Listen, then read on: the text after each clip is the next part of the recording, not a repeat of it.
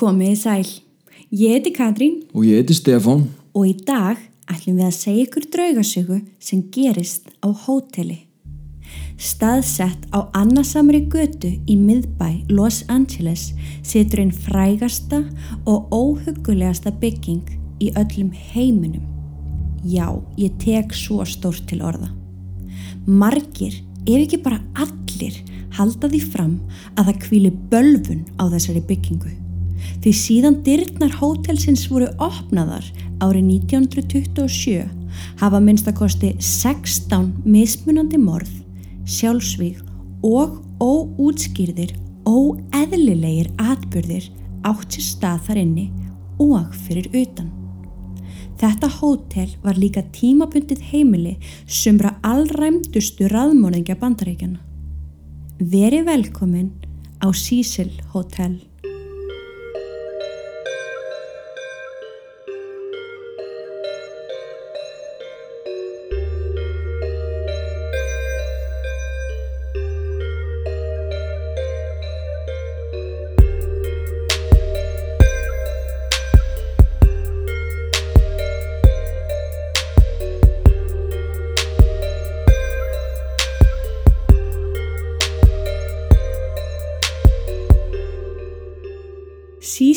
Cecil Hotelið var byggt árið 1924 af hótelstjórunum William Banks Hanner.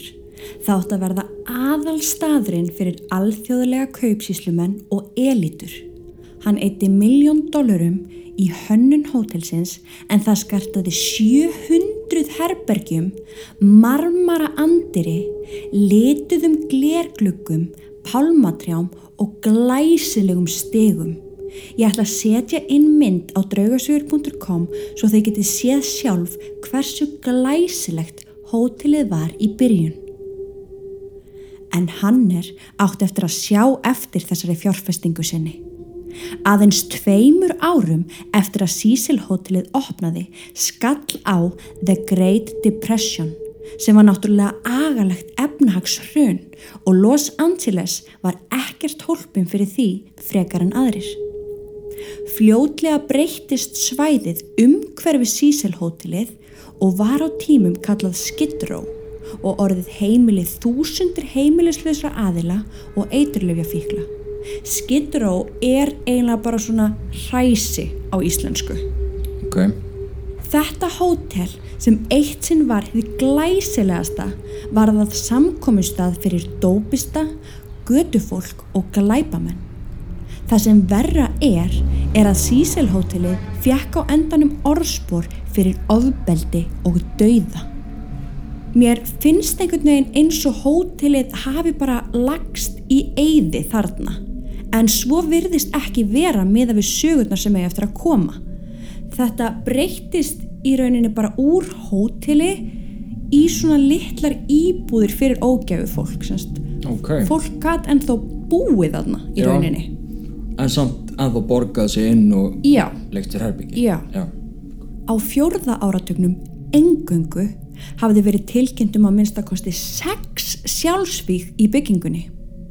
Íbúarnir overdósuða eiturefnum, aðrir skutur sjálfa sig í hausinn og enn aðrir skáru sig á háls eða hoppuðu út um gluggana. Árið 1934 skar sig á háls þekktur herfóringi að nafni Louis D. Borden með rakvél. Minna en fjórum árum síðar hoppaði Roy Thompson sem starfaði í sjóhernum af toppi byggingarinnar og fannst á þakglugga á húsinu við hliðum. Næstu áratugir voru ekkert skári. Árið 1937 lést 25 ára Grace en hún fjall, nú eða stökk, út um gluggan í herbyrginu sínu. Í stað þess að lenda á gangstéttinni fyrir neðan lendi unga konan á vírónum sem tengja símastöngina sem var við hliðin á hótelinu og líka með hennar flæktist þar í. Új, bara starf. Oh. Grace var flutt á sjúkrahús í nágrenninu en hún lést að lokum af völdum áverka sinna. Þannig hún dó ekki. Ekki strax. Nei, hún bara Úff, flæktist að ný. Er bara verið kvala fullu döði. Lögreglan gætt ekki ákvarðað hvort að andlátt ungu konunar hafi verið slis eða sjálfsvíg og maðurinn sem hafi verið í herberginu með henni gætt ekki útskýrt hvernig eða af hverju hún hafi stokkið út um gluggan. Hann sagðist að það hafi verið sofandi þegar atvikið átt sér stað. Þannig að hann gæti líka einmitt hafa bara hendin út. Mögulega. Það veit enginn. Ég menna það, næ. Í september 1944 vaknaði 19 ára gamla Dorothy Jean um miðjanótt af magaverkjum meðan hún dvaldi á Sísel með Ben Levine sem var 38 ára, tölvert eldri. Hún fór á klósetti til að veki ekki kærastan sinn en hún var byrjuð að eiga virkilega erfitt með sig og inn á þessu baðherbergi fæður hún barn.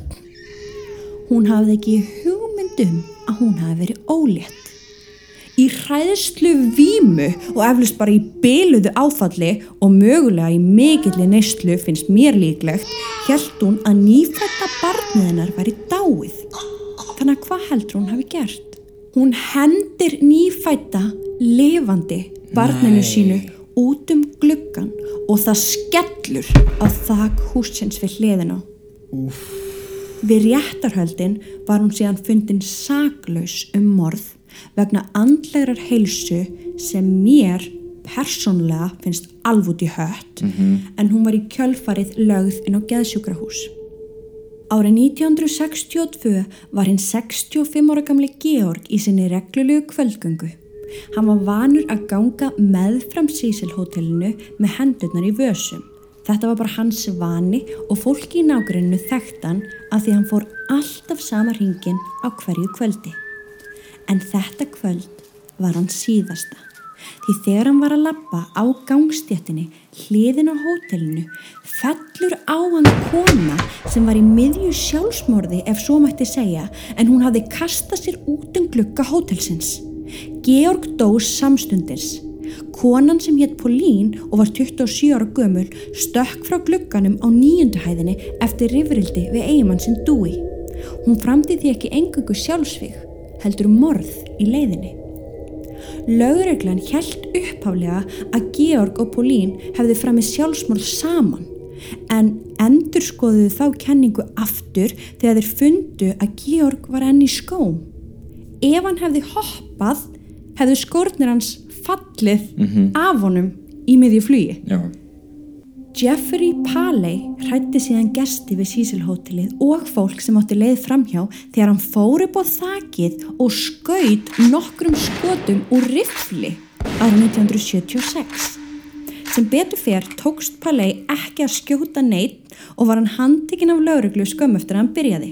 Eftir að hann var settur í gæsluvarðhald segir Paley að hann hafi í rauninni ekki ætlað að skada neitt. Að sögn Paley sem hafi dvalið á tíma á geðsjúkrahúsi, allt í lagi að taka það fram, hafði hann keift byssuna og byrjað að skjóta til þess að sína fram á hversu auðvelt það er fyrir einhvern að ná sér í hættlegt vopn og drepa fólk. Ok, Paley greinilega í einhverjum mótmælum þarna, en af hverju fór hann upp á þak akkurat á þessu hóteli? Já, þetta er náttúrulega rosalegt statement bara út af fyrir sig. En, já, af hverju þetta hótel? Mér finnst það svo skrítið. Hmm. Í ljósi allra þessa sjálfsvíga, óhappa og morða er Cecil tafarlaust kallað mest reymdasta hótel í Los Angeles. En þessi bygging er ekki engöngu bundin við sjálfsmorð og morð því Cecil hóteli var einnig tímabundið heimili sömra af mest ógnvænlegustu morðingja í sögu bandaríkjana.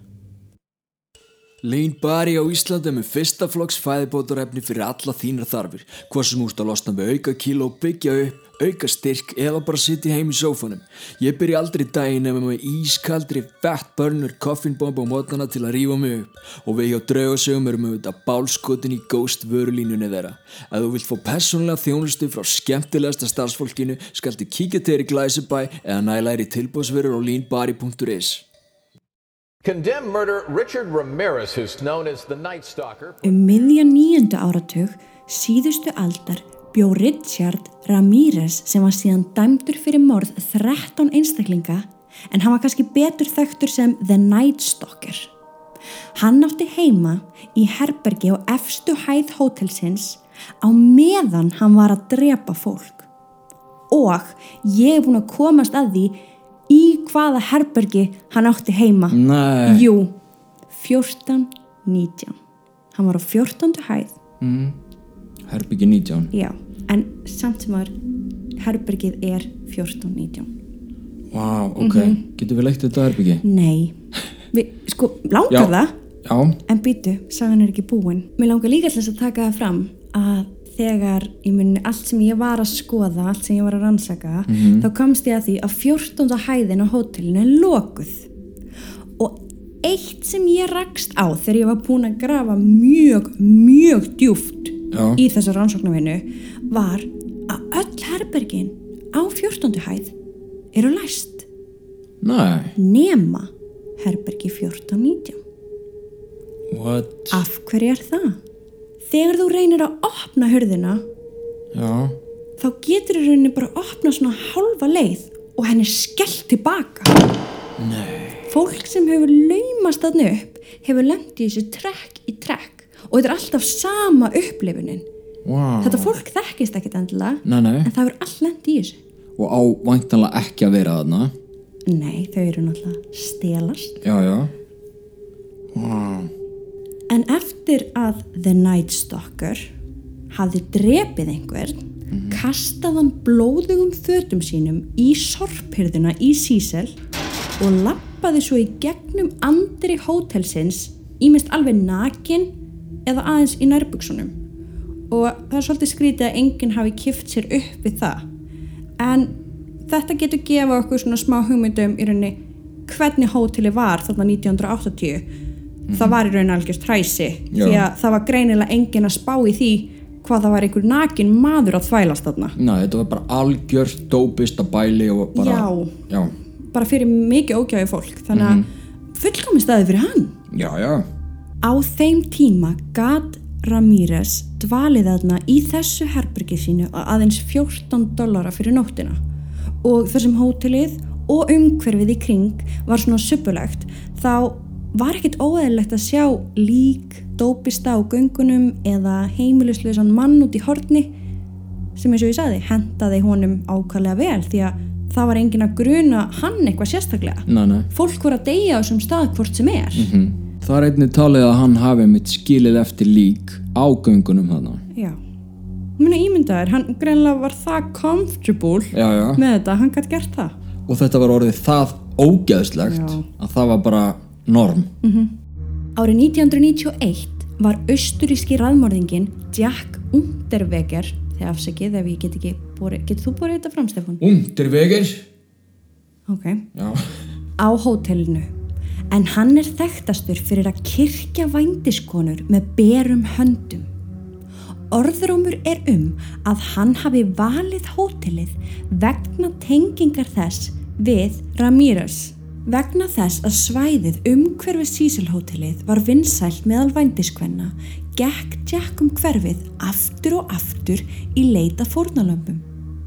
Ein vændiskona sem hann er talin hafa drepið hvarf sama dag og Jack er skráður inn á hótelið og hún var að vinna í sömu götu og hótelið var staðsett. Hann fór ekki lengra en út á horn og svo heim. Vá. Já, ég fann þetta smá um hann Jack. Ok. Hann sem sagt var dæmdur morðingi í Austuríki. Hann hafði kyrt konu þar, fengið dóm og verið úrskurðaður í held í 19 ára fangelsi. Hann svo einhverja hluta vegna verður rosalega svona pólitískur, hann verður rosalega mikið nafn innan fangelsisins upp á réttindabaróttu fanga Ok. og alls konar svoleiðis. Er þetta áður en hann fyrir á hótelið? Já, já, já, þetta er alveg 70 og eitthvað og hann losnar úr fangelsi þetta er mikið svona fjölmiðla dæmi hann bara, þú veist, er búin að fá alla sínar áfrýjur í gegn og hann er laus hann verður svo fréttamaður og svona rannsóknarblamæður Ok. og hann flytur til LA vegna þess að Night Stalker hafði það svo ljúft þarna á Cecil hótelinu. Býtu þannig að hann var dæmdur, Já. Mhm. hann fer í fangelsi, hann verður eitthvað svakalegt númer í þessu fangelsi, Mhm. honum er síðan sleft og þá fyrir hann að verða rannsóknarblæðamaður Já, og þá fyrir hann á hóteli. þá fer hann til Bandaríkjana og til LA ok, En á því að hérna Night Stalker var á þessu hóteli mm. þá hugsaður hann með sér þarna er bara fullkomin staður fullkomin vettvangur fyrir mig að svala minni þörf Mm, skil. undir því yfirskinni að hann var bladamaður frá Austuríki þá sat hann oft með lögreglu í svona patrol eftirliti að því að hann var undir því yfirskinni að hann var að vinna frétt fyrir Austuríki þannig að hann sat oft bara með löggunum og var alltaf að spjalla við þá og, og hvernig svona þeirra verklagsreglur virkuðu. Og, og, og hvenar þau voru þetta hverfi og hvenar ekki. Vissi enginn að hann var í dæmdur. Nei. Orðlaus. og hann drefur þarna greinilega eitthvað slatt af konum á þessum tíma sínum Já, á, á hótelinu. En svo kemst upp um hann. Og hann er framseldur aftur til Austuríkis en hann fær sem sagt 19 lífstíðar dóma daginn sem að hann fær þennan dómúskurð mm. þá hengir hann sig í klefanum sínum Rævill. með þessum sama hnút og hann hefði kyrt allar hinnar konurnar það var svona hans einkennismerki þessi hnútur Vissulega var hótelið orðið frækt fyrir sjálfsvíg, morð og núna ráðmorðinga en það eru líka mörg mál sem hafa aldrei verið leist. Til að velja nokkrar sögur af mörgum þá fannst kona sem fólk á svæðinu þekkti vel til en hún hitt Goldie. Hún fannst í herbergi á hótelinu. Henni hafði verið nöðgað og svo stungin og barinn til dauða. Það var einn maður grunaður um morðið á Goldie en sá fannst lappa um ganga hótelsins í blóðugum fötum. Hversu grunnsamlegt? Wow, ok, En það voru greinilega ekki nægileg sönnunagögn á mótunum því hann var aldrei sakveldur. ok Annað daburlegt atvik sem vakti mikla aðtekli var tengt gesti hótelsins að nafni Elizabeth Short sem þekktist betur sem Black Dahlia. En hún var drefin 1947 í Los Angeles. Hún hafði dvalið á hótelinu rétt áður en hún var drefin og það mál er enn óleist. Hvaða tengls dauði hennar kann að hafa haft við Cecil er ekki vitað en það sem vitað er er að hún fannst á götu ekki langt í burtu að morgni 15. janúar með munnin skorinn frá eira til eira og líka með hennar skorinn í tvenn. Slíkar ofbeldi sögur eru ekki einfallega í fortíðinni. Eitt dular fullasta döðsfall sem nokkur tíman hefur átt sér stað á Cecil hótelinu gerist árið 2013. Þetta er mál sem ég er búin að vera með á heilanum síðan það gerðist fyrir sjö árum síðan. Þetta mál er bara svo ótrúlega dulafullt að ég get ekki hægt að hugsa um það.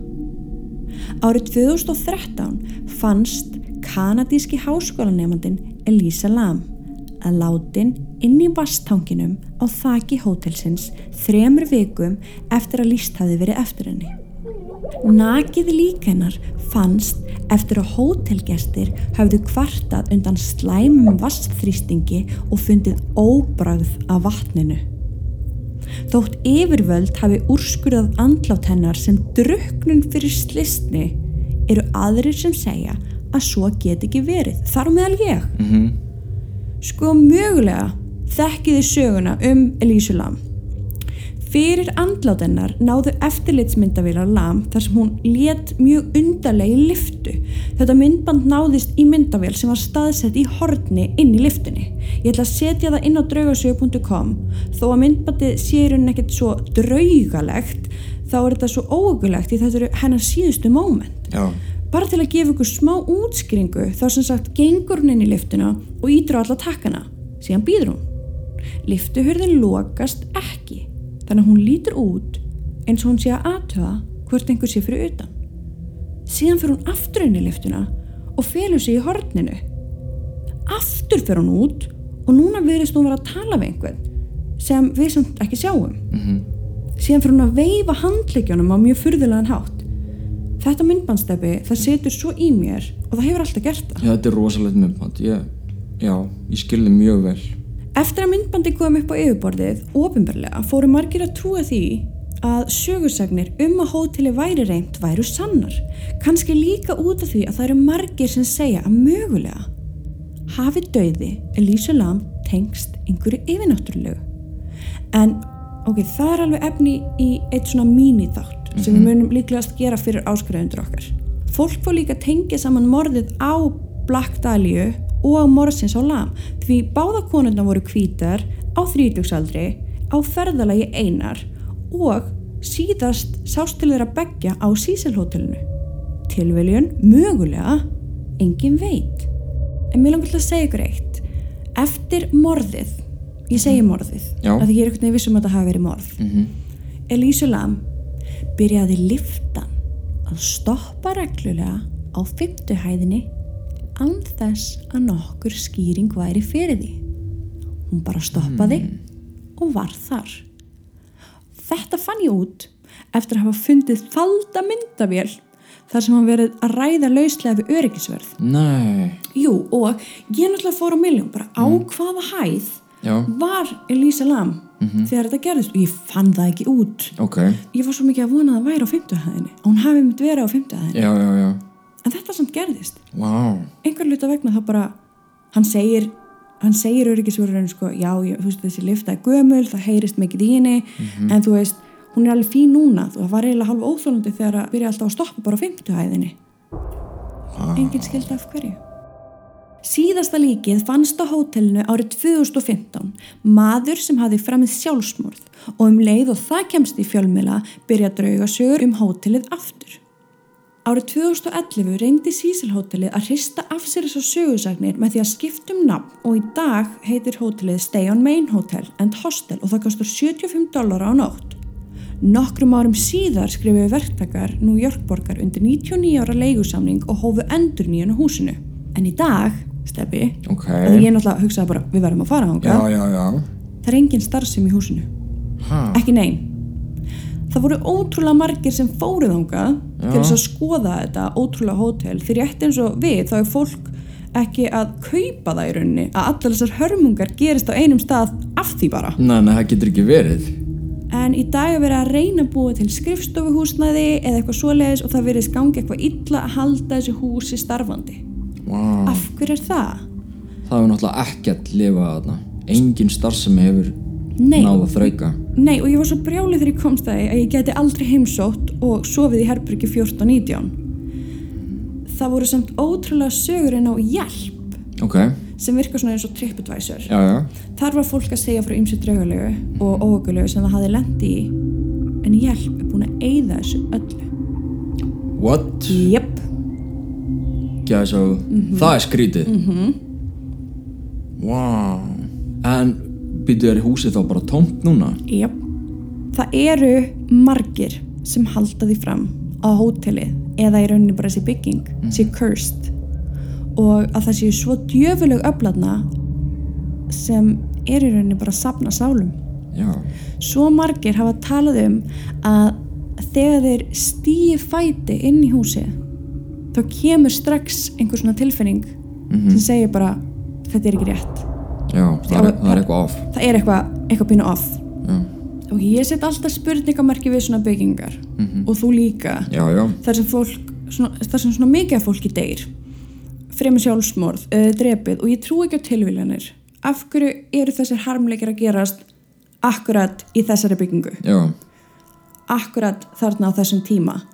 Akkurat í húsi þar sem tvei raðmóringar voru til húsa það er greinlega einhver orka þarna sem er að hafa áhrif Já, Í janúar 2014 tók Koston Alderet, strákur frá Riverside, Kaliforníu, mynd sem hann segir að sé af glugga á fjörðuhæðinni. ok Hann stendur fyrir utan gluggan niður á gangstéttinni og tekur myndina. Og það lítur út eins og manneskja sé að gera sér tilbúna að stökkva út um gluggan. Wow. Ég ætla að sína þér þessa myndina núna. Ok, já, vá, þarna sjást bara fætur, hendi Já, og svo verðist líka vera eitthvað skonar andlit sko, þessi mynd er svo rosalega skýr. Já og sama tíma þá er bara manneskjan svona hún er gegnsæ að einhverju leiti Já, og ok, áður en þið byrjaði að dæma, þá langar mér til að segja ykkur að þessi strákur sem tók þessa mynd, þetta er bara lítill strákur.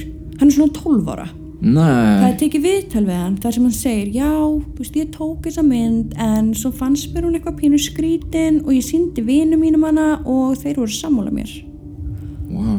og í dag var ég bara hrættur þegar ég skoði þessa mynd og ég er bara búin að fá endalisa margtræðir síðan Æ, greiði strákurinn já, og þessi mynd er svo ótrúlega skýr. Það er næstu í bara eins og sé manneskja þarna -hmm. og kannski pínleiti bara svona eins og myndalinn hafi ekki alveg náð fókus -hmm. en það er samt manneskja að Já, fara samt þarna alveg skýrt. Já, og ég ætla að setja myndina og þetta vídeo af þessum dreng -hmm.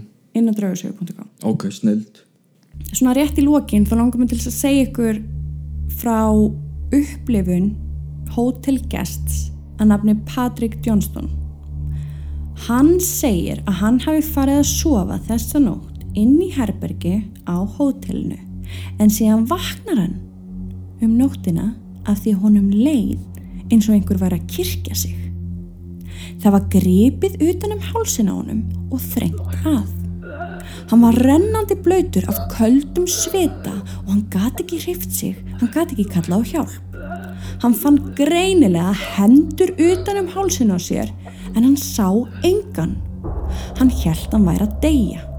Loksins eftir heila eilíf að honum fannst losnaði takið að hálsinum bara síð svona. Hann stekkur upp úr rúminu og hleypur niður í móttöku. Hann náði varla andanum og þurfti nokkra mínúti til þess að jafna sig áður en hann gætt sagt starfsmanni hvað hefði gerst. Starfsmaðurinn horfir á hann en breytir ekki um svip. Patrik er órólegur og skilur ekki af hverju starfsmaðurinn er ekkit sjokkiraður að heyra þessa hræðilegu upplifun sem hann var fyrir. Ég meina það var verið að reyna að drepa hann inn á hótelinu. Loksin segir starfsmaðurinn að manneskja hafi verið drepin inn í þessu sama herbergi og hún hafi verið kyrt. Nei Þetta hafi gerst áður. Sko, saga Cecil Hotelsins er risastór grifja þar sem maður getur snúist í ringi endalust. En við og svo margir aðrir erum vissum það að þessi bygging sé körst eða á íslensku að það sé bölvun sem fylgir þessari byggingu. En ég ætla samt að nota orðið körst því það er þægilega. En hvað þýðir það samt? Hvað þýðir það að bygging sé körst? Steppi, ég ætla að beða þig um að lesa þetta smá. Ok Curses were imprecations referred to supernatural beings in whose existence and power to inflict harm the primitive man believed. The curse follows its victims everywhere, extending to progeny and all means of livelihood. It includes incurable diseases, slow starvation, abuse by enemies, exile, panic, confusion, and eventually madness. Ok, þetta er svona biblíu þýðingin á bölvun. Mm -hmm. Í rauninni hvað það er. Já. Af því að jú, auðvitað gerðust tryggulegir harmleikir þarna og það virðist vera að engin starfsemi haldist þarna í húsinu. Fólk er basically að hverfa þarna inni í þessari byggingu og finnst svo látið. Samkvæmt því getur maður sagt, já ok, það lítur að vera super neikvæð orka þarna inni því bara law of the universe, evil attracts evil og öfugt. Já. En hvaðan kom þessi bölvun? Var einhver sem kom með hana inn í húsið eins og Ramírez? Það er náttúrulega vitað að Ramirez, The Night Stalker var sko hardcore það. og bara satan trúar og bara jafnvel þegar hann leittur inn í hérna dómshúsið þá þú veist, gerir hann svona satanísk merki og er með logo út um allt þannig að hann bjóði hann ykkur 13 mánuði Hann bjóð það lengi en þetta var samt byrjað áður en hann kom til sögunar. já, Ok, er húsið porál? já, Það er að segja hurð fyrir djöfla svo þeir komist inn í okkar heim. það getur verið Það Þú- gæti það verið. veit það enginn Þá líka hugsa maður kannski um liftuna -hmm. og einmitt það sem við ætlum að ræða í síðan svona smá mínithætti sem kemst ekki í þáttin okkur í dag. Við ætlum að taka smá mínithátt fyrir áskrifendur já, um þessa liftu um þessa liftu. hún, er, hún tengist ákveðnum hlut. En sko, af hverju er líka búið að eyða öllum sögum frá fólki sem hefur skrifað um paranormal hluti sem það hefur upplifað inn í þessu húsi? Það er mjög það er búið að eyða öllu út. Já, þetta er ekki tilviljun en maður getur samt snúist í ringjarna þess vegna í fyrsta skipta ætlum við að spyrja ykkur kæru hlustundur hvað haldið þið?